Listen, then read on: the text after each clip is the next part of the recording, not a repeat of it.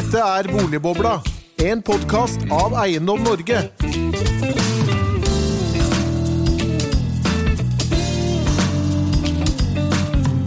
Hjertelig velkommen til Boligbobla, en podkast fra Eiendom Norge med Erik Lundesgaard og Christian Dreyer. Vi skal også ut i podkastverden, Christian. Hvorfor det?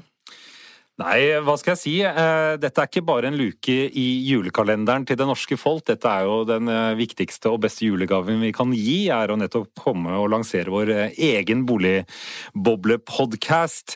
Vi dykker ned i det norske boligmarkedet for alle oss som lever i boligbobla. Og bobla er ikke bare økonomi, selv om det er mye økonomi. Det kan være for forbrukere som lever i ja, det viktigste eiere har, både økonomisk og emosjonelt. Eller så er det jo for myndigheter i forhold til økonomiske drivere og osv. Så, videre. så Så dette kommer til å være et bredt spekter over eh, alle episodene vi skal kjøre fremover. Eh, dette blir spennende. Vi har også med oss noen gjester i bobla, selvfølgelig. Og det er da makroøkonom i DMO Markets, Jeanette Strøm Fjære. Du er ikke bare i bobla, du er altså bobler på Norges eh, mektigste kvinneliste til kapital, kunne jeg se. Eh, og vi har med oss da forskningssjef i Eiendomsverdi, eh, professor, snart eh, sjef, kan vi kanskje si, leder av det nye boligmarkedsforskningssenteret. Og selvfølgelig også da faglig ansvarlig for, eh, for Eiendom Norges boligprisstatistikk gjennom de siste årene. Velkommen. Velkommen skal du være. Takk Tusen takk. Eh, Jeanette, dere har jo nettopp kommet med deres prognoser eh, siste uke. Hvordan ser virkeligheten ut? um, for boligmarkedet, eller tenker du på for Både for norsk økonomi og for boligmarkedet? Ja, og det henger jo litt sammen.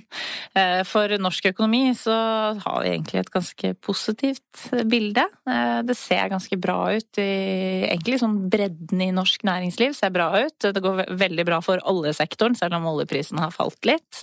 Og forbruket har vært litt sånn svakt, men, svak, men vi tror det kommer til å ta seg opp igjen. Så arbeidsmarkedet har begynt å normaliseres, og inntektsveksten ser ut til å komme seg opp. Og da eh, er det også kanskje duket for litt høyere renter, da. Men det er jo på en måte en positiv ting. Det er jo fordi det går bra i norsk, eh, norsk økonomi. Så ja, et sånn ganske positivt bilde. Det er jo dette med renten, da. Og den andre gjesten her har jo kalt eh, renten for atomknappen i bolig, boligmarkedet. Eh, så Han kan være tabloid når han bare, bare har lyst. Ja. Eh, nå er det veldig mange makrodrivere for boligmarkedet, og de peker ikke i samme retning. Så derfor så er det litt vanskelig å liksom peile ut en retning for oss, da, som lager boligprisprognoser veldig mye basert på makroanslag. Det er jo også masse andre drivere. Det er mer sånn strukturelle drivere som kanskje ikke vi fokuserer så mye på, som kanskje Erling kan si mer om. Men, men også sånn som forventninger og kredittpraksis i bankene og sånn. Men basert på makrodriverne, da, så er det jo på den ene siden god inntektsvekst, ganske lav arbeidsledighet som gir trygghet om inntektsvekst fremover òg, som er viktig. Eh, samtidig så er det da renta som skal litt grann opp. Så det er jo det som er det store spørsmålet, egentlig. Hvor mye disse renteøkningene kommer til å virke på boligmarkedet. Men vi har et anslag om ganske flat boligprisutvikling. Vi tror ikke at et par renteøkninger neste år, som er det vi eh, har anslag om, vil knekke boligmarkedet eller noe sånt. Men på kort sikt så er det også litt sånn usikkerhet knyttet til at det har blitt bygget mye, mye boliger, da. Og hvor mye sånn Ja, noen snakker om en sånn derre flom av boliger mm. som skal ut i markedet. Nå har jo kommet allerede, men, men i hvert fall en, en stigende tilbudsside på kort sikt som også kan virke litt dempende, da. Men, men før, før, vi dypdykker inn i boligmarkedet, Jeanette. Er det, ikke, er det ikke et ganske stort paradoks i forhold til hvordan når du ser på norsk økonomi, det er utrolig stabilitet i veldig mange av de tunge driverne inne i norsk økonomi. Du har nevnt i mange av de nå. med Arbeidsmarked, eh, inflasjonspresset som ligger der, eh, marginalt økning i rentenivået. Norsk økonomi går kjempebra. Samtidig så har vi eh, så har vi en liten og veldig åpen økonomi. Og eh, internasjonale forhold har vel knapt vært mer usikkert enn det, vi, det, landskapet vi beveger oss i nå og har gjort de siste par årene. med en ganske trigger-happy president i USA med potensiell handelskrig. Vi har e, økonomien i EU med Italia, store Italia, som, som, som det skjelver litt i grunnvollene i EU på hvordan det går. Eh, hvor ligger anslaget deres, hvordan det kommer til å påvirke norsk økonomi i 2019? Eh, nei, det er jo noe vi på en måte ikke har tatt helt inn i anslagene. Det med usikkerhet, det er veldig vanskelig å ta inn. Det vi har tatt inn, er jo at det har vært litt svakere vekst ute. Og så er spørsmålet hva blir effekten av handelskrigen, hva blir effekten av en eventuelt hard brexit, altså sånne ting. Det er litt sånn vanskeligere å anslå.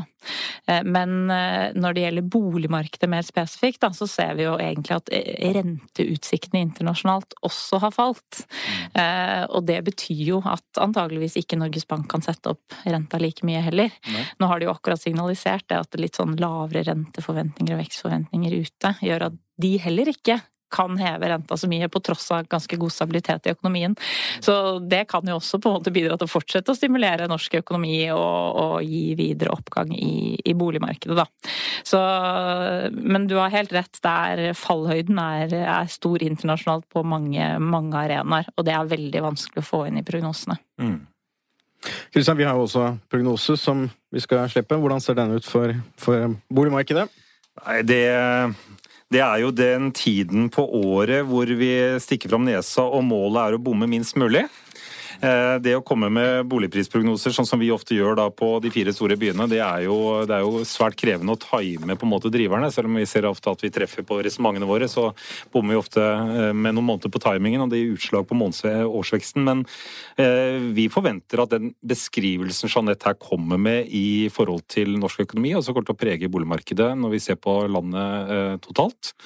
Og vi har landet på en prognose for 2019 på en vekst på 3% for landet. og da snakker jeg nominell utvikling. Eh, tolvmånedersveksten for 2019 totalt. Eh, ser man snitt mot snitt, som man ofte gjør i en del prognoser, så, så, ser det litt annerledes ut. Men nominell utvikling er det forbrukerne forholder seg til. Det er det de klarer å eh, på en måte sette tall på. Så det er, eh, det er 3% og det er jo et drømmemarked, da. Det er jo, vi har jo i 2018, og da våre prognoser for 2019 er jo, er jo et marked som vi aldri egentlig har hatt noe særlig av i det norske boligmarkedet, nemlig en prisvekst på linje med prisveksten i samfunnet for øvrig.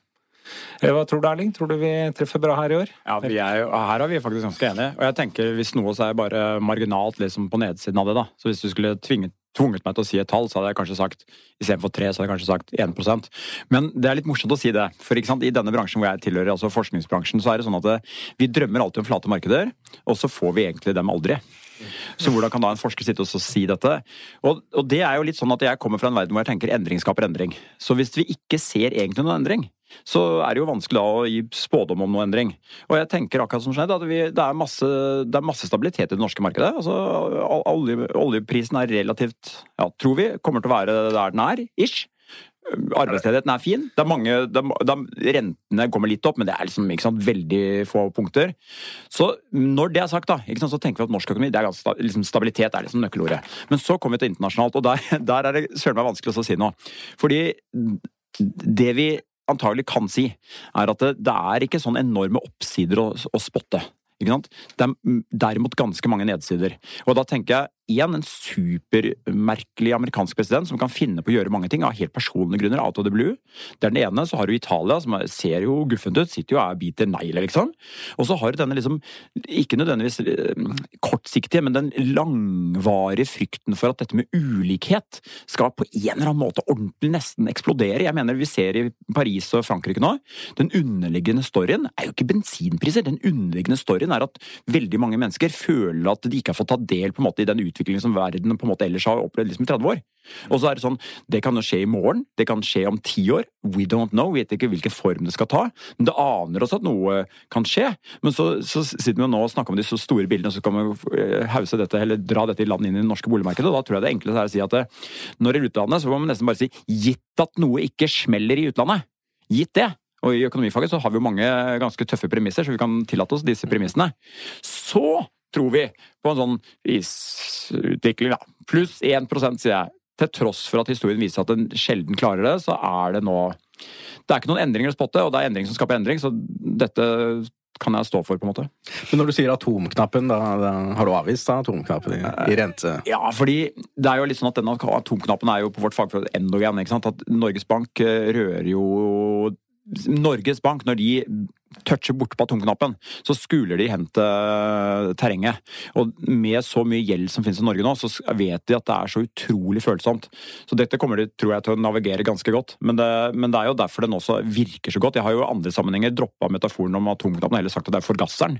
Hele Norges Det var fryktelig nedjustering av rekkefølgen. den var ikke like fengende. Det var derfor jeg, det var den som kom først. Men det er noe med at sant? Norges Bank med, med, en befolkning som i, i, all hovedsak har variabel rente, flytende rente, så kan du bruke dette til å styre norsk økonomi. da.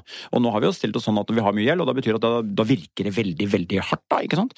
Og da er det jo ikke sånn at Norges Bank eh, tenker at normalrenta er sånn som den var på 80-tallet, veldig høyt. Nei, normalrenta i Norge nå, eller nøytral rente, den er ganske lav, den. Så du skal ikke så veldig mye opp før du nærmer deg dette.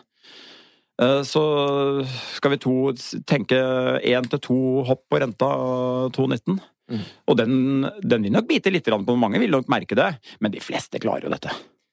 Men det er, det er, en veldig interessant diskusjon på ehm, Jeg har også vært ute og snakket om hvor sylskarpt rentevåpenet er med det gjeldsnivået som, som norske husholdninger har.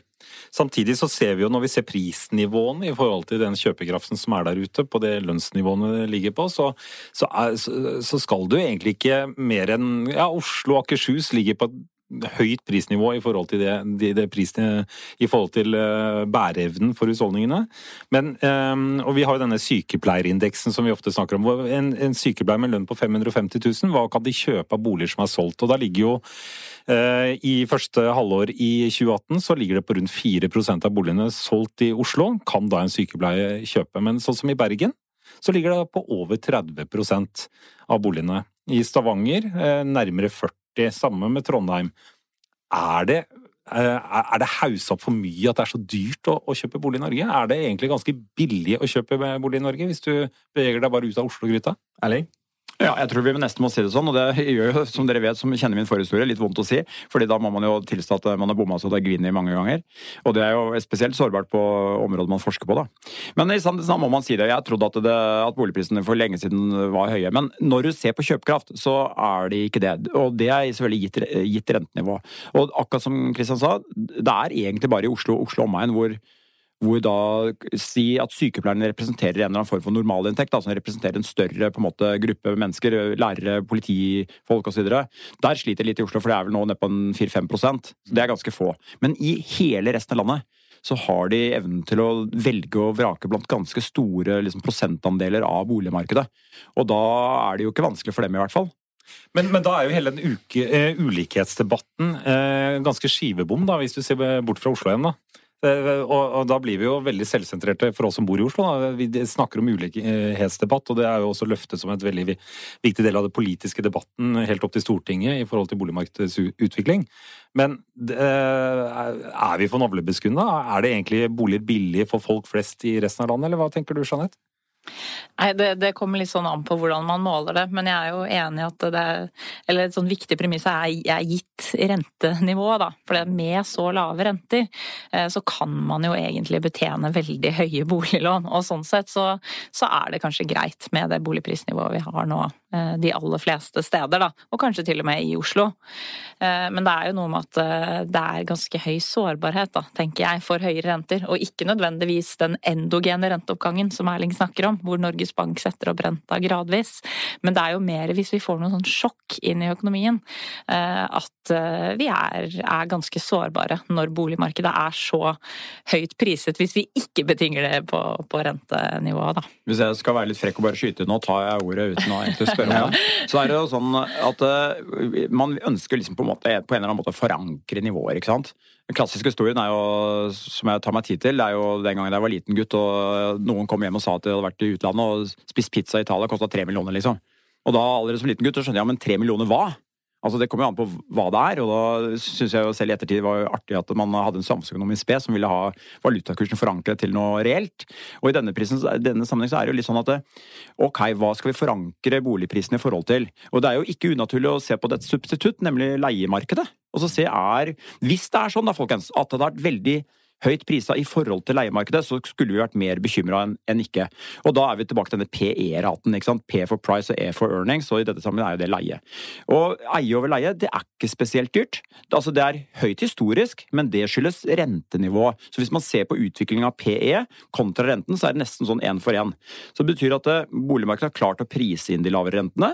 Ganske fornuftig. Leiene har også kommet opp. Så det betyr at det er, eh, hvis noe, så tror jeg det er mer en sånn urbaniseringsfenomen eller en, en eller annen form for at man sammenstimler seg, og at det er noe på tilbudssiden som ikke responderer. Altså byggeklare sentrale tomter, lagger litt osv. Som forklarer noe av dette her. Eh, så er det PI, da, som er en annen indikator. Liksom, du forankrer dette i forhold til inntekten, og der er det jo ganske høyt. Dette sjokker folk internasjonalt når du går og snakker med folk. altså sier at vi har en, Det er områder i Norge som har en pris, median pris over median inntekt på sånn både seks- og syvgangeren, altså for områder. Da steiler de, men som da er det to poeng. Det ene er selvfølgelig det at det også er jo avhengig av renta, siden folk kan betjene disse lånene.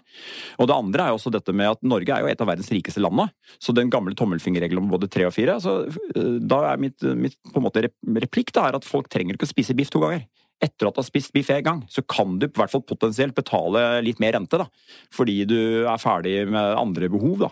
Så det at den gamle Jeg tenker at den gamle tommelfingerregelen den må oppjusteres for veldig rike land. Fordi folk ønsker å bo, da. Det er på en måte et Etterspørselen øker eh, med inntekt.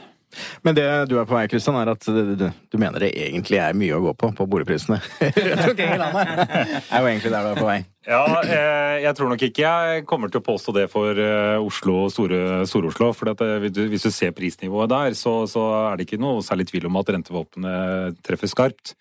Men når du ser prisnivået i byer som Bergen, og Trondheim og Stavanger, som er de tre neste store byene vi har, så, så er prisnivået Eh, vesentlig lavere, og, og, og, de siste fem årene så har differansen mellom Oslo og de andre byene blitt mye større. I 2013 så var eh, prisnivået per kvadratmeter eh, like høyt i Stavanger som i dag, og nå er det jo nesten på halvparten, så, så det, det, har skjedd en vesentlig differanse. Men det, det som, også, Hvorfor er det blitt slik? Og det er jo selvfølgelig mange årsaker til det, spesielt for Stavangers del, men, men vi ser jo nå på ser jo nå på boligbyggestallene mot folkeveksten at eh, de områdene eh, så bygger man jo nesten nå én mot én i forhold til folkeveksten i de regionene i alle de andre store byene, med unntak av Oslo-området. Eh, og i disse prognosene dere kommer med, Jeanette, hvordan ser dere på når dere skal komme med prognoser på 2019, da bl.a. for boligmarkedet, hvordan ser dere på boligbyggingstall? Hvordan, hvordan analyserer dere boligbyggingstall, og, hvordan, hvilken virkning på kort og lang sikt ser dere på folkeveksten? Um, det er et uh, litt vanskelig spørsmål, men det er klart, vi har jo Vi har bare vanskelige spørsmål i boligboka, skjønner jeg. ja, det er bra. Uh, vi lager jo prognoser hvor vi tar utgangspunkt i en sånn modell, da. Og da ser vi jo egentlig på boligmassen. Uh, sånn at det at det har blitt bygget en del boliger, det gjør at vi da forventer at den boligmassen vil øke grann, og at det vil virke litt sånn prisdempende, da. Men utover det så har vi jo ikke noe sånn fordelt regionalt, f.eks. Vi lager jo bare boligprisprognoser for landet som helhet. Og der tror jeg det er liksom viktig å skille mellom ulike prognosemakere. fordi vårt eh, formål med dette her er jo egentlig å lage prognoser på makroutviklingen. ikke sant? Mm. Vi er jo ikke spesielt skikket til å lage boligprisprognoser, annet enn at vi er ganske gode på makro. Og så har boligprisene noe å si igjen for Eh, for makroutviklingen, og også nesten litt sånn eh, isolert eller direkte på rentesettingen nå, hvor finansiell stabilitet er så viktig. og Det er også en viktig prognose for oss. da. Så når det gjelder å liksom ha sånne raffinerte eh, modeller for boligbyggingen og sånn, så har jo ikke vi det. Det er en veldig sånn enkel på, på boliginvesteringene totalt sett. Og så har vi jo også noen forutsetninger om befolkningsveksten, eh, som igjen eh, går inn i inntektsveksten, som vi også lager, lager prognoser på. Men eh, det er en veldig sånn usikker eh, vitenskap, det med, med befolkningsutvikling. På byggingen så kan vi jo se litt fremover hva vi får, mens på befolkningsveksten så er det veldig usikkert. Så har vi lave fødselsrater, det er liksom litt mer sikkert kanskje, men så er det det med arbeidsinnvandringen som jo har variert ekstremt mye i det siste. Og der har vel vi lagt til grunn at befolkningsveksten var veldig veldig høy på 2000-tallet pga. høy arbeidsinnvandring. Så hvis man sammenligner eh, liksom nå-situasjonen med det nivået, så ligger vi veldig, veldig lavt. da. Så er spørsmålet skal vi opp igjen dit. Det tror ikke vi. Vi tror heller det var den perioden som var veldig spesiell, hvor det gikk veldig bra i norsk økonomi, med en oljesektor som gikk veldig bra. Det var Store deler av den perioden så var jo hele resten av Europa eh, det gikk veldig dårlig, da. Og i land som Polen og Sverige og Danmark. Der går det jo mye bedre nå. Så, så vi tror jo heller på en litt mer sånn lavere normal da, for arbeidsinnvandringen, og derfor også for, for, befolkningsutviklingen. Men der er det stor, stor usikkerhet. Ja, Supersyklusen er jo over, men er det, lov, er det lov for gjestene å stille vertskapet spørsmål? Ja, alt er lov. ja, jeg tenkte, jeg tenkte for da, men, da bruker jeg anledningen. Ikke for vanskelig. Ikke for vanskelig. Da, da, skal det være lettere. Det er bare vanskelige spørsmål i denne podkasten. Det er bare vanskelige spørsmål. Nei, for jeg har i det siste tiden prøvd å interessere et nytt begrep. I tillegg til tungknappbegrepet, så er det nå London-fenomenet. Så jeg noen ganger tenkt for, jeg føler når vi ser på tallene, altså særlig befolkningen og andre ting nybygd altså, Du tenker da for folk som jobber i London da? høyere, ja, ja, altså, jeg tenker, ikke sant, sånn, Verdensmessig, da. London er på en eller annen måte ved siden av New York, liksom verdens hovedstad. Og når det gjelder sånn bolig, så er det ikke der Ikke etter 29. mars. Nei, nei, det kan du si. Da kan det bli veldig annerledes. Men i hvert fall inntil eller liksom i de siste tiåret, da, så har folk ønsket å ha en bolig i London nesten som de hadde hatt en liksom fritidsbolig på Marbella, liksom. Og så har jeg tenkt, når vi ser på Oslo, så er Oslo så markant forskjellig fra veldig mye i resten av Norge. Nesten frikobla. Og spesielt når du ser på befolkningsendring og rekke ting, så føler jeg at du ikke ordentlig helt kan forklare Oslo. Så da har jeg tenkt å prøve Dette må jeg teste ut, da. Er det sånn at vi begynner å oppleve liksom et mini-London-effekt i Oslo nå? Altså ja, betydningen at det, det, er mange folk rundt omkring i Norge som tenker at det, det er en fin aktiva-klasse å ha en fot i. Altså De ønsker å kjøpe en liten leilighet på 45 kvadratmeter i, på Majorstua. Uh, I don't know. Jeg tror kanskje det er mulig å finne ut av dette tallene, men jeg tenkte jeg skulle spørre dere. Hva tror dere på det? Jeg tror helt åpenbart det. det er det korte svaret på det. Det tror jeg var det vi så i 2016 også. Var at, ja, for det var et forsmak på framtida, nesten. Ja, kanskje et forsmak på framtida, men det var rushet også mot altså sekundærboligkjøperne. Dere, dere hadde jo talt på det også. Vi hadde jo 40-50 budgivere på enkelte mm. objekter, ikke sant? Og et halvt år senere så var de borte. Ja, for Dette er ikke folk som nødvendigvis skal bo der, tenker jeg. Og i hvert fall så klarer vi ikke helt å liksom, grave alle de tallene vi ser i Oslo-markedet hjem til kall det fundamentale forhold. Ja, Det er vel det eneste markedet det mm, vertskapet i boligbobla har kalt en boligboble de siste årene. Det er nettopp eh, høsten 2016. Og det vi ser i forhold til den, eh, det kaller dette segmentet du beskriver, da, det er, det, det er jo det segmentet som kommer med størst kraft når de først kommer. Eh, men det er også de som forsvinner raskest når de først går ut. og Det er jo det som langt på vei var 2017-effekten. At eh, usikkerheten kom. Innstramming i boliglånsforskriften eh, skapte både regulatoriske rammer for hva du kunne låne, men også usikkerheten om hvilke effekter skal ha på markedet, og da er de borte igjen. Så, så det, det, preger jo da typisk Oslo-markedet, småleilighetsmarkedet i Oslo, som ofte konjunkturene begynner i og hvor det svinger mest. Ehm, men dette her er jo et veldig sånn klassisk storbyfenomen, det du beskriver. Eh, man ser det i København og Stockholm òg. Eh, eh, men jeg tror, nok, jeg tror nok det er litt sånn kommer og går-fenomen også. Og det handler jo om utvikling. Men det er jo veldig godt eksempel på hvor sterk kjøpekraft det er hos norske husholdninger. Og det viser jo hvilken kraft vi har også til å tåle si disse renteøkningene, litt, litt mindre fart i konjunkturene. Vi, vi, har mye å gå på i, hos husholdningene i, i, norsk økonomi. og Det ser vi også blant annet i hyttemarkedet. hvor det er Litt samme fenomenet som hytte i storbyen kontra på fjellet. Men det vi da folkens burde introdusere, egentlig, det er at vi burde ha en sånn fotvandrerlys i vinduene-indeks. da. Altså Hvis det er sånn at over det landet, ganske land så kjøper folk seg leiligheter i Oslo, og så presumptivt har de slått av lyset når de er i Larvik og eier noe i Marsha, så kunne de oppdage dette ved å gå rundt og telle lys, nesten.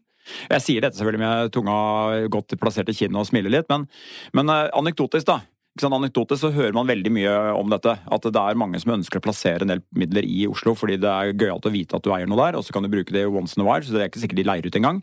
Og så er de liksom på en måte med på en reise som de tror varer. Da. Og det er jo akkurat den uh, uh, varianten vi har sett uh, russiske billionærer operere i London. London ikke sant? Og i andre byer i verden også. Ja. Men dette, dette, bringer oss over til, til hva skal si, det som er mer boligmarkedsforskningen, da, som nå skal bli din forse. Eh, og eh, Siv Jensen har jo da i den bevilgningen som dere har fått i, til dette forskningssenteret, sagt at, uh, at, det er behov for å finne ut mer om sammenhengen i boligmarkedet. Dette er vel en av de tingene dere vil ønske å finne ut av? Ja, det- og hva slags andre sammenhenger eventuelt? Definitivt. Også, og ikke minst for dette er jo veldig viktig for Norge. Og så har vi jo fått et føringsmandat holdt på å si, fra myndighetene at vi skal, vi skal finne ut av ting som både er nyttig for samfunnet, men også som er publiserbart. Da.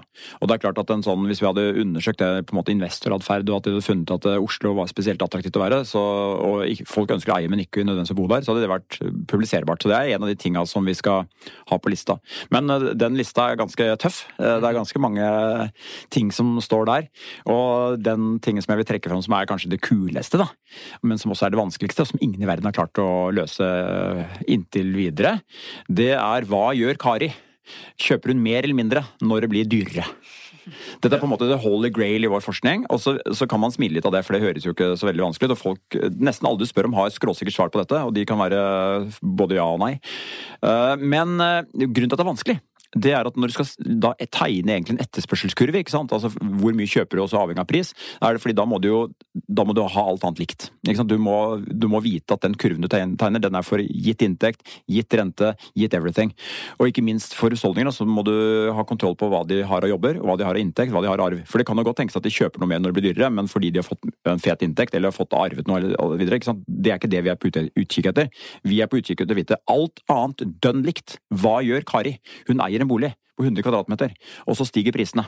Kjøper hun da mer eller mindre? Og dette har jeg hatt uhøytidelige meningsmålinger på, på Blindern og meglerne, og det som er morsomt selvfølgelig, er at de river ri- riv ruskende uenige. Professoren på Blindern sier noe sånt som at eh, nettokjøpere blir dyrere, kjøper mindre. Nettokjøpere, altså de som skal ha, øke sin boligstørrelse, ting blir billigere, ja, da kjøper de mer. Mens megleren sier blir billigere, de har mista egenkapitalen sin. De kan potensielt ikke kjøpe noen ting. Og hvis de gjør noe, så kjøper de i hvert fall noe som er mindre. Så det er morsomt, for Her har vi to yrkesgrupper som begge mener å vite noe om folks atferd, og så mener de totalt vidt forskjellige ting. Dette har vi veldig veldig lyst til å prøve å finne ut av, og så er det sånn at dette er jo myndighetene veldig kine på å vite òg, fordi hvis det er sånn da, at Kari kjøper mer når det blir dyrere, så har vi altså en stigende etterspørselskurve. Det er crazy. Det finnes egentlig ikke i økonomi. Du kjøper mer når det blir dyrere. Det er liksom som en enhjørning, altså. Det er cool to think about, but it doesn't exist. Og hvis det fins, da, så har du Dette blir litt teknisk, men det tilgir dere meg. Da er det sånn at eh, du har en ustabil likevekt. Alle priser utafor likevekt vil eskalere enten ned eller opp. fordi når det blir dyrere, så får du mer penger, så kjøper du mer, så kjøper du mer. Helt til det ikke gjør det lenger. Så myndighetene vil jo i hvert fall ikke håpe det. Da er det boble, ikke sant. Så vi vet ikke, men vi har veldig lyst til å finne ut av det. Og haug- vi har jo en liste foran meg på alle de tinga vi skal jobbe med. Og vi er, blir bare noen få personer, så vi får mer enn nok å gjøre. Eh, Men til alle interesserte der ute, vi er mottagelige for gaver. Ja, da er DNB her, så kanskje Ja, det er veldig spennende med stigende etterspørselskurver, da. Det Ja, synes jeg. Selv om jeg er jo samfunnsøkonom, så det fins jo egentlig. Jeg er jo en av de som ville svart eh, ned. Demand slopes down, sa de på Berkeley da jeg gikk der. Men det er jo også litt sånn relevant eh, med tanke på kredittgivingen til Ja, bankene og dette med gjeld og sånn, for det, det er jo potensielt litt sånn eksplosive utfall eh, her, da. Så det vi- blir vi- veldig spennende. Men når du sier det, Jeanette, så ser vi jo, for å styrke opp under den eh, hypotesen til Erling, da, så, så, så ser vi jo bankenes opptreden i, i konjunkturene. De er ofte medsykliske. Der vi ofte ønsker at de skal være motsykliske. Så, så bankene er jo er også en viktig driver inn nettopp for å skape denne boosten i etterspørselen. Den er min påstand. Jeg vet ikke hva om du har lyst til å svare på det. Ja, nei, man ser jo det. Og det, det, at det er en sånn akselerator, da. Det er jo også gjort masse forskning på mellom boligpriser og gjeld. Eh, og det kan jo både være liksom fra etterspørselssiden, men også fra tilbudssiden. Eh, og her har man jo også disse reguleringene som på en måte skal, eh, skal dempe hvor mye, hvor mye kreditt man gir til husholdningene. Men det er jo klart at hvis boligens verdi stiger, så går jo denne LTV-ratioen ned, ikke sant, loan to value. Og da har bankene mulighet også til å gi, gi mer kreditt, i tillegg til at liksom generelt når det går bra i økonomien og boligprisene stiger, så kanskje også bankene eh, generelt går bedre og har mulighet til å, til å låne ut mer. Da. Så jeg deler nok den oppfatningen, ja. At, eh, at det, eh, kredittgivingen til bankene har mye å si, og den, den virker å være medsyklisk. Ja, så bra. Der fikk vi det, Det offisielt bekreftet. Men, men bare for å forfølge det litt grann til, og det er jo når man da skal begynne å, å se på hva kan vi forvente av boligmarkedet i 2019, og så kan du gå inn og se på hva målsettingen til de ulike største norske bankene har på eh, markedsandel på boliglån i 2019.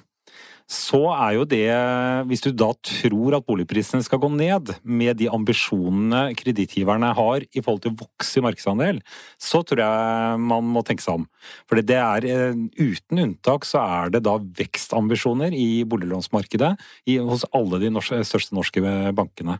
Og det, eh, når vi da vet at bankene har en drivkraft i det medsykliske, så betyr jo at dette her, hvis det er noe, så, så, så kan jo prognosene da faktisk da ligge på oppsiden, gitt at uh, premissene rundt oss er, er uh, uendret da, selvfølgelig. Det er by the way noe som dette senteret også skal selvfølgelig forske på.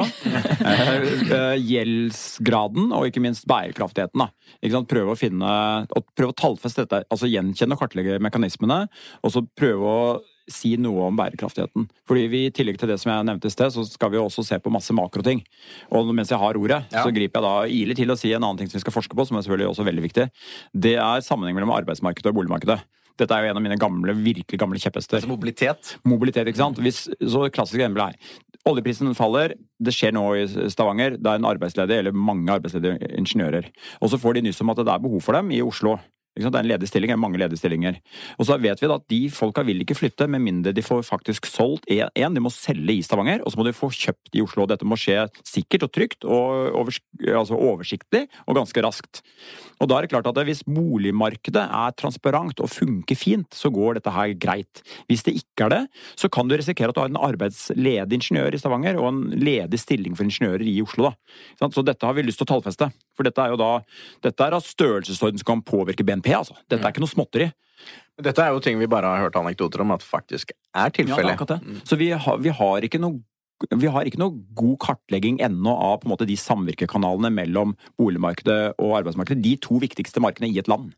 Så Hvordan ser du for deg å utforske disse to sammenhengene? Nei, vet du, jeg er jo mikroøkonom, så jeg, der skal jeg være ydmyk til å si at her er jeg litt sånn på gyngende grunn. Jeg har da heldigvis trukket med meg noen gode makroøkonomer inn i Halsing Lab, som vi skal kalle oss. Mm. Og i hvert fall to kjempegode navn, Andreas Bendiktov og André Anundsen, skal annet se på dette.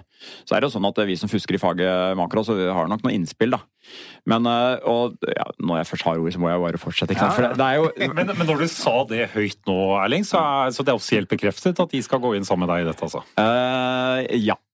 Ja, det er jo det, veldig god nytt. Housing Lab ja, nå, det, jeg kan jo si dette som en som fin ting da fra, fra, fra Boligboblas uh, første sending, at vi har nå fått landet uh, folk. og Andreas har vært med oss en stund, men uh, André Anundsen, som er en kjempe, kjempefin fyr og talent, han kommer med. Til og med Norges gullmedalje. Ja. Mm. Ja. Han, han kommer jo da fra, for uh, lytterne der ute som ikke kjenner André Annesen, så kommer jo han fra Norges Bank, og der har jo du også jobbet, uh, Jeanette. Mm. Um, hvordan opplevde du fra din tid i Norges Bank uh, i forhold til boligmarkedet og um, forskningen og datainnholdet i forhold til for å forstå markedet? Ha, har man gått og kjent litt på at det har vært litt for mangelfullt? Um, nå jobbet jo ikke jeg med boligmarkedet i uh, Norges Bank. Jeg jobbet med rentemarkedene, så derfor så satt jo ikke jeg så veldig tett på det. Men jeg har jo også observert at f.eks. folk som André da, har kommet inn i, i, Norges Bank. Han begynte jo i Norges Bank omtrent samtidig som meg, uh, og har tilført masse uh, av, av, verdi. Så vet jeg ikke hvordan situasjonen er der nå. Det er lenge siden jeg har vært der. men dere får invitere André og spørre han. ja, det, det, det, kommer vi helt sikkert til å gjøre. Så, nei, men Det er spennende. for jeg, jeg, tenker litt sånn i kjølvannet av Vi har, vi har jo tiårsjubileum nå, har vi ikke det, Erik? Jo, det begynner å nærme seg. Ja, og, over, litt over også. Ja, og Vi skulle vel ønske at ikke bare Norge, men også internasjonalt, at det hadde vært forsket mer på boligmarkedet for la oss si 20 år siden. Så hadde vi kanskje sluppet å, å feire tiårsjubileum for finanskrisen. Ja, altså det, det, er morsomt at du sier det der. fordi Jeg har jo forska på boligmarkedet mer enn i ti år. Og så Inntrykket før finanskrisen var noe sånt som at ha-ha, det der var søtt, uh, sweet and cute, liksom. Men det er boligmarkedet. Vi er ikke så interessert i boligmarkedet. Det er ganske kjedelig marked. Det er finansiert av gjeld. Gjeld er ikke noe problem. Hvorfor det? Jo, fordi fordringshavere er på en måte motsatt av gjeldshavere. Så ikke sant, Ola skylder Per en million. Det er en million minus en million i pluss. Det går i null. null det er nullsumspill. No worries. Det, det er bare snakk om fordeling. Fordelingen det er en sak for filosofer, ikke økonomer. Gå hjem og slapp av. Det var, var, litt sånn røffelig, så vi hadde litt sånn hard time Så forska, fordi vi, det var ikke så det var ikke så, nei, det var ikke så stor napp, da. I, i, og viktigheten ble ikke, det ble ikke oppfattet som viktig. Og så etter finanskrisen er det annerledes, altså. Nå er det full fokus og masse interesse for, og det er, det er bonanza ikke sant, for, for boligforskere. Ja. Og det, det er jo litt betegnende. Ikke sant? Kan dere tenke dere at Vi har jo hatt et transportøkonomisk institutt lenge, så det er transportøkonomi viktig. Men økonomi, så har vi hatt et miljøøkonomisk forskning i Norge viktig. Arbeidsmarkedsforskning viktig. Og vi har hatt sentre for dette. Men vi har ikke hatt et senter for boligøkonomi. Ikke sant? Det her sier noe om at eh, igjen, det har ikke vært så prioritert før. Og det har eh, ikke blitt oppfattet som så hot. Så nå kommer det. Det er jo på overtid, mener jeg. Men det er desto gledeligere at vi kommer i gang, da. Ja, apropos forskning, jeg så jo også at du nå var blitt publisert med en artikkel fra nettopp finanskrisen, eh, hvor du da identifiserer altså når boligmarkedet snudde. Ja, ja, ja. Jeg har da prøvd å gjøre dette til alle kunstens regler. Brukt eh, regression discontinuity design, fancy ting, fulgt boliger, gjort alt og prøvd å godtgjøre at den som redda boligmarkedet i 2008, det var Norges Bank. Og så er det mange andre kandidater. Kunne vært arbeidsmarked, kunne vært mange ting. Kunne vært publikum som så dette her komme. Så har jeg da satt, sett alle disse alternative hypotesene opp og sagt at nei, det kan det ikke ha vært. Fordi enten så endra de seg til det verre, eller så endra de seg ikke i det hele tatt. Så jeg har konkludert med at det var Norges Banks eh, politikk, og den var jo tosida, var rentene selvfølgelig, men jeg har jo også prøvd å tallfeste, eller i hvert fall antyde, at her er det også byttelånsordningen som var veldig viktig. Ja, For du kan gå ned på dato, er det ikke Ikke sant? Det som er så morsomt, da, vi takket være samarbeidet med meglerne, og takket være så har vi jo noe helt unikt i Du Norge. må si du er jo helt avhengig av eiendom ja, ja, jeg er veldig avhengig av dette. Jeg legger ikke noe skjul på det. For de kan tenke deg at det, altså, Dere har hørt meg før si det, at amerikanerne er stolte og litt tøffe, og så sier de at we have quarterly data. Så kommer vi fra Norge på scenen og sier well, we have daily data, og så går det gisp gjennom publikum. ikke sant? Fantastisk. Fordi det betyr at vi har en presisjonsnivå da, i på en måte den temporale griden som er veldig mye høyere enn amerikanerne. Så, og jeg har da satt disse ulike datoene til Norges Banks operasjoner. altså Vi har jo datoen. Så vi følger 24. oktober, 29. oktober, ikke sant, alle disse auksjonene og så videre, og rentenedsettelsene. Og så har jeg da kunnet følge boligprisene. Jeg har fulgt boligprisene dag for dag. Og nå er det klart at det er litt naturlige svingninger faktisk dag for dag, som er en annen artig historie. Den annen ikke i dag. Men vi klarer da å sjekke ut dette, ikke sant? og så klarer vi å godtgjøre at jo, boligprisene snudde. Og det snudde takket være Norges Banks operasjoner. Og det var, vi kan utelukke at det var sesong òg, fordi den kom mye tidligere enn den vanlige sesongeffekten. Så det er ingen annen mulighet annet enn at det var Norges Banks operasjoner den høsten som redda boligmarkedet. Mm. Og vi, vi, snakker, vi har prøvd å tallfeste kontrafaktiske, det er selvfølgelig veldig shady business, men vi snakker om eh, en ganske kraftig annerledes, altså kraftig på nedsiden enn det som da skjedde. ikke sant? Fordi, og Nå vil jo dere se på deres øyne at dere vil at dere skal ha en dato for når det snudde. Og jeg har egentlig dato. Den mest hotte datoen er første uka eller andre uka i november. Og da var vedtaket i Stortinget var 23. oktober. Sånn. Helt riktig. Ja. Og så er det sånn at det, dette er litt følsomt, så det kan ha vært også første uka i desember hvor det snudde. Vi er, altså Tallene er ikke helt entydige, men det er i hvert fall godt før den normale januareffekten. Mm. Ikke sant? Så vi snakker om at den, den vanlige sesongeffekten den kan man utelukke veldig fort. For januar stiger jo alltid Og det er ikke snakk om at det kom før vedtaket i Stortinget. Det er ikke snakk om det, det ikke, Da gikk det veldig dårlig. Så det, er, eh, så det jeg sier til dere, er at i november 2008 så snudde det norske boligmarkedet takket være veldig bra tenkning i Norges Bank og andre steder. Men her er du kanskje litt inne på den housing lab-metaforen. Hva er det som ligger liksom Er vi et laboratorium for resten av verden? Er det det? Eh, Ja, for det er to ting her. da. Den ene som vi, Det er er heller flere ting bak det navnet. Eh, Og det ene er at for Jeg er jo språkbryst. Jeg er jo en gammel nerd som elsker å lese bøker og har gjort et poeng i mine Aftenposten-spalter. Aldri bruket engelske ord osv. Vi skal bruke det norske. Så hvordan kan det ha seg at jeg nå leder noe som skal være Dette går skikkelig bra. Liksom. Ja. Første to orda liksom, er Housing Lab. Men da er det dette at vi skal dette er med internasjonal kontakt. ikke sant? Så det er noe med å synliggjøre det at vi mener og skal ha et internasjonalt publikum. Så når folk kommer til besøk på oss, så ser du ikke et norsk navn og så en engelsk undertittel. Det er et engelsk navn og en norsk undertittel. Og da tenker vi at det skal signalisere folk oi, oi, oi, disse folka her tenker internasjonalt. ikke sant? Det er det ene. Det, og da svelgte jeg noen kameler og tenkte ok, jeg får være så purist eh, på det norske som mulig. Jeg må jo tenke hva som er best for Housing Lab, og det valgte jeg.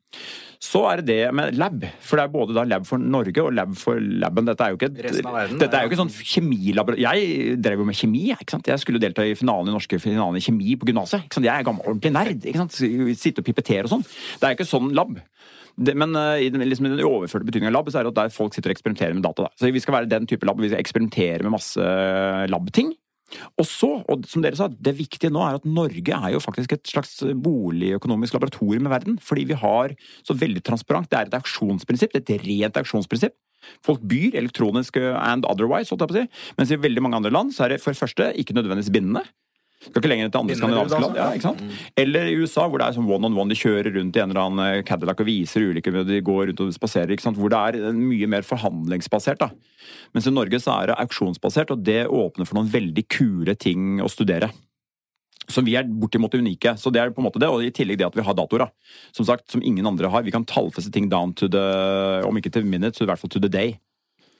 Eh, I, I på en måte beskrivelsen av Boligmarkedsforskningssenteret, så nå legger vi på en måte en premiss om at boligmarkedet er ekstremt viktig, og det, det, det er i hvert fall vi enige om at det er. Men har vi litt for mye fokus eh, Jeanette, på boligmarkedsutvikling? Eh, Det, det spørs jo litt i hvilket perspektiv du snakker. Hvis man snakker om eh, medias eh, fokus fra måned til måned på boligprisutviklingen, så tenker jeg at det er mindre viktig. Og så kan det være interessant akkurat når det snudde i forbindelse med finanskrisen akkurat ned på dagen. Men sånn, i hovedsak så er det sånn selv om dere har kjempegode data, så er det mye tilfeldigheter knyttet til liksom variasjoner fra en måned til en måned. Og det kan være litt sånn hva Ja, det kan være mye tilfeldigheter. Og ofte så fokuserer man jo på nominelle tall og ikke på sesongjusterte, så det er liksom ikke trender som oppfattes. Så der mener nok jeg at eh, man kanskje fokuserer litt vel mye på det. Men hvorfor gjør man det? Det er jo fordi folk er interessert. Mm. Hvis media skriver mye om det, så er det fordi de får mye klikk, og det er jo sikkert fordi at det er veldig mange som er i bolig. Og så trenger man kanskje ikke å vite Du sitter jo i boligmarkedet, og du bytter kanskje bolig hvert tiende år, eller hvert femte år, kommer an på hvor gammel du er. Du trenger jo ikke å vite hvordan boligutviklingen er fra måned til måned, men folk du mener liker han å holdt på kvartal, er det det? Nei, jeg tror det er en sånn eh, Det er, Jeg merker jo det hvis jeg holder foredrag, da. Så er det ikke bare i, liksom, for eh, bedrifter eller kunder som er direkte eksponert i boligmarkedet, hvor de følger med når man snakker om boligmarkedet. Det er alle, fordi alle har en personlig interesse her, ikke sant. Og selv om ikke egentlig det kanskje er noe, noe, har noe å si for privatøkonomien til folk, og hvordan boligprisene svinger fra måned til måned, så bryr de seg likevel, da. For det er veldig mye av formuen deres som er bundet opp i det. Og det har vel noe å si, eh, spesielt eh, egentlig uavhengig av konjunktursvingninger. Men, men, men det er jo slik, etter hva jeg har forstått forskning viser, at eh, husholdning går veldig ofte inn i sparemodus hvis de ser at boligprisfallet reduserer deres formue. Eller, og da er det jo viktig. Ja, det, så jeg tenker sånn på, eller på litt lengre sikt, da, så er det jo kjempeviktig for økonomien. Og det er jo litt sånn det som finanskrisen har, har vist, og det har vært gjort masse forskning på det, at eh, boligprisene har veldig, veldig mye å si for forbruket, som er i Norge omtrent halvparten av bruttonasjonalprodukt. Det er kjempeviktig, det er egentlig det som styrer økonomien. Men eh, ikke nødvendigvis på en måte boligprisen i seg selv, men hvis man har både høy boligprisvekst og høy gjeldsvekst sammen, eh, sånn som det var i forkant av finanskrisen veldig mange steder, og som vi jo også har sett i Norge i mange år, da, eh, så, så har det veldig mye å si for forbruket. Og det er ikke nødvendigvis fordi formuen deres synker hvis boligprisene faller.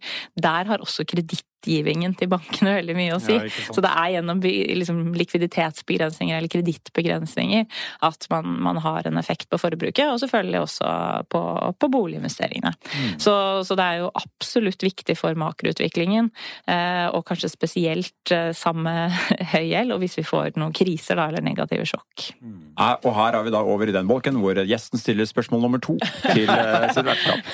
Og det er nemlig fordi dette er jo fun fact for oss nerder, vet du. Vi har estimert eh, boligverdien i Norge, så vi har jo full kontroll på matrikkel. Vi, har, vi vet hvor mange boliger det er, sånn røftlig 2 45 000. Vi vet fritidsboligene. Vi vet da antatt markedsverdi. La meg si sånn, Hvis alle disse boligene hadde blitt solgt samtidig, så hadde selvfølgelig prisen vært omtrent null. Eh, så, men antatt at det selges spiseveis da, i et normalt marked, så er spørsmålet mitt egentlig til Christian. Tror du det norske boligmarkedet er mer eller mindre verdt enn oljefondet? det er nok eh, mer verdt enn oljefondet. Ja da, det er, vi får gå på det svaret. For, for svaret er at det er jo veldig, veldig likt. Det er jo sånn fun fact akkurat nå, da. ikke sant? At det, vi snakker om sånn 8300-400 milliarder kroner, altså. Som, altså. Og det sier jo noe om verdien. ikke sant? Det er en enorm verdi. Og gjelden? Ja, jeg har ikke fullstendig kontroll på gjelda, men det er jo noen enorme nivåer på den også. Men, eh, men i forlengelsen av dette her at bolig? For bolig er liksom så Det er noe veldig håndgripelig. Det er, noe veldig, det er, det er veldig lett å skjønne at folk er interessert i bolig. Det er arenaen for ditt hjem. Det er der du skal ha trygghet mot omgivelsene. Dette går jo tilbake til liksom 200 000 år siden, hvor vi måtte beskytte oss mot vær og vind og ulver og bjørner og det som var. ikke sant? Så får du, du nå, Særlig nå Primale behovet. ja, men bare altså Jeg må si at jeg er en enkel sjef i Larvik. som jeg pleier å si. Seks kuldegrader ute, og vært ute og luftet hunden. Og så kommer du inn, og det er nisser overalt. Jeg har en sånn veldig julifisert kone. Det er nisser overalt. Det er rødt og lyst og fint og trivelig og varmt og sånn. Selv hunden nesten liker det, enda han liker det ofte kaldt. da. Og så, sant, så er det. Og så er det det at det bor jo bortimot to millioner eh, potensielle interiørarkitekter i Norge. ikke sant? De får utleve på en måte sin, interiør, sin inner Der interior kommer også architect. forbruket. Ja, Ja, ikke sant? Og så vet du at dette her tjener du penger på om natta når du ligger og sover, ikke sant? fordi egenkapitalen øker. Så det er mange grunner til å være interessert i boligmarkedet. altså. Men vi, vi snakket jo litt om eh, på vårt siste vårt prognosemøte at, de, at den kommende gjeldsregisteret er en usikkerhetsfaktor. Eh, Jeanette, hva, hva tenker du om det kommende gjeldsregisteret? Er det noen liksom skjulte bomber der ute i, som kan avkles av gjeldsregisteret som nå skal komme før, eh, før neste sommer? Endrer, endrer det spillereglene i boligmarkedet? Um, jeg tror kanskje ikke det i så veldig stor grad, men jeg tror kanskje det kan ha mer å si for forbruket. Fordi at eh, jeg, det, det kan jo være at det blir liksom en liten effekt på kredittpraksis. At når man ser, at, man ser den totale gjelden, man får oversikt over den, og også folks forbrukslån da, som vil komme inn, så kanskje man liksom gir litt mindre lån. Men forbrukslån er fortsatt en veldig liten andel av de totale lånene, så jeg tror ikke det vil slå sånn voldsomt ut på liksom, hvordan man gir boliglån osv. Men gjeldsregisteret, sammen med disse nye reguleringene som vi antageligvis får for forbrukslån, hvor man annet får en sånn maks nedbetalingstid på fem år Eh, Og jeg fikk sist et brev i posten i går mm, hvor de tilbød meg 15 års nedbetalingstid. Så forbrukslånsbankene de følger ikke disse retningslinjene som de har nå. Eh, Og nå får vi kanskje en forskrift. Så tenker jeg at eh, det kan potensielt slå litt hardere ut på forbruket enn det vi har tenkt. fordi selv om det ikke er så veldig veldig stort i volum, så er jo dette veldig mye tettere knyttet mot forbruk. Eh, Vi har ikke noe sånn helt klar statistikk på det, men veldig mye av forbrukslån brukes til, til forbruk, da, og ikke inn i boligmarkedet, eksempel, som man kan høre anekdotiske historier om. At man sier man tar opp 500 000 i forbrukslån, og så går man til banken og sier man har det i egenkapital. Jeg tror ikke det er liksom noe man gjør veldig mye, da. Det skulle vært veldig, Så- likevel veldig artig å se på frekvensen av det. For jeg også er jo nysgjerrig på de anekdotene. Man hører de anekdotene, og så vet man ikke. Jeg må si jeg er veldig nysgjerrig på er det 10 eller er det 1000 liksom, i Oslo. Førstegangskjøpere da, tenker jeg på, som skal skaffe seg egenkapitalen fra diverse mastercards. Men det er, fortegnet her er jo klart, ikke sant. Det, det, kan jo, det kan jo virke negativt, men jeg tror ikke det er det som blir helt sånn utslagsgivende for, for boligmarkedet, men en liten joker for forbruket. Ja, det blir interessant. Mm. Jeg tror det begynner å nærme oss en landing her. Ja, Vi har noen faste spalter, har vi ikke Det det? er sant, det er 1000 millioner ting til å si. Det er Ja, tusen ja, millioner ting til. si. Vi får heller in- invitere deg tilbake. Men uh, alle podcaster har jo sånne faste spalter, og jeg har lyst til å spørre uh, gjestene våre um, Ditt første boligkjøp, husker du de følelsene du hadde? Opplevde du en trygghet? Hva kjøpte du? Hvordan var det å bevege seg inn i markedet for første gang? Ja, det var da i 2010. Da var jeg 22 år. Kjøpte sammen med søsteren min en 41 kvadrats eh, bolig. Og vi var veldig, veldig fornøyde med det kjøpet. Og det føltes ganske trygt, selv om det er litt eh, ja, skummelt å innrømme det. Men det var da første visningen vi var på. Men eh, det, det endte, jo, endte jo godt, da. Det var en veldig sånn fin og trygg måte å kjøpe på. Ikke ta opp for mye lån. Kjøpe sammen med søsteren min, ganske relativt billig. Og så tjente vi samtidig en god del, så vi klarte å liksom kjøpe oss vår egen etter hvert, da. Ja, så bra. Og Erling, husker du? Ja, veldig godt. Jeg husker blant annet, og dette føler jeg er litt artig, fordi jeg ble jo nekta lån. Ja. Jeg, hadde da, jeg var fremdeles student. Dette var tilbake i Du spådde krakk i avisen. Jeg Kan jeg bare skyte, jeg ble også nekta lån Ja. i den banken jeg jobber nå, oh, ja. DNB. Ja, det var det, det for Så jeg meg, måtte ja. til en annen bank. Var, jeg husker ikke om det var DNC det, det het ikke DNC da, men det var noe DNB og sånn noe ekstranavn. Eller det var i hvert fall essensielt DNB, da. DNB Og-? Ja, det er helt riktig. Det var det. Og dette var Larvik. for Jeg, jeg er jo fra Larvik, så jeg søker min lokale bank. Og dette må vi få tidfestet. dette. Dette mener jeg bestemt var sånn sommeren, litt før sommeren, Røffelig røftlig sommeren 1994. Det beløpet det var snakk om, det var 375 000. Dette var en 45 kvadratmeters leilighet på Majorstua. Riktignok i Kirkeveien, så det var litt sånn støy ut, da. Men kjempetøft, dette. Og jeg var så gira og sånn. Og så fikk jeg ikke lån. Og det skyldtes at jeg var fremdeles student, men jeg hadde jo da fått eh, ansettelse i Statistisk sentralbyrå. Så Det en rimelig fast eh, sak. Og, og jeg var jo nerd, så jeg hadde jo gode karakterer, og det var all grunn til å tro at jeg skulle klare å skjøtte mitt virke der, liksom. Så hvordan fikk jeg lån, da? Jo, det skal du høre. For min far, som eh, bodde selvfølgelig i Larvik og virket, han snakket med banksjefen. Og da, da, da snudde på en måte tonen av. Hvor mye trenger du? og jeg var jo nøye som var fin, Sånn, nei, for 2000 kroner kanskje du kan kjøpe skrivebord. Det får holde, liksom. Så jeg kjøpte det og flytta inn, og var jo Altså, jeg skjønner disse følelsene når sving. Det er ditt første hjem.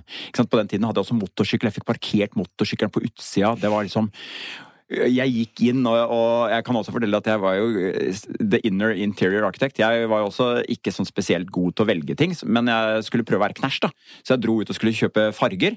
Og så har det seg sånn at den leiligheten kunne åpne seg både til stua og til kjøkkenet. Så jeg tenkte her må vi sjokke litt. Så i, mitt, uh, i min stue så hadde jeg oransje. Sånn der, jeg husker ikke hva heter sånn flammeteknikk eller sånn, sånn børsta som veldig jeg synes var ja, Svamping? Ja, kanskje ja. var det det var. Også, men så hadde jeg da lyseblått i kjøkkenet. Og det, altså, jeg malte det, og folkens, det så ikke ut i måneskinn. Ja, det hørtes det var veldig fint den gangen, da. Ja, nei, skal du høre hva som skjedde? For jeg gikk ned i knestålen og tenkte at dette her er jo helt mislykka. For jeg var young free and single på den tiden. Og jeg tenkte at folk vil snu i døra når de ser dette her. ikke sant? Så jeg tenkte dette her kan jo ikke gå. Jeg er jo fullstendig utelatt som so sosialt parakaste. Så jeg, hva gjør jeg når jeg er fortvilt? Jo, jeg ringte min mor og min søster. Dere må redde meg! Ikke sant? Og de kom inn og fiksa bedre bedre maling, altså bedre farger. da. Så ting ble bedre takket være min mor og søster. Og så, da, da, da hjalp det. Også, romantikken ble bedre.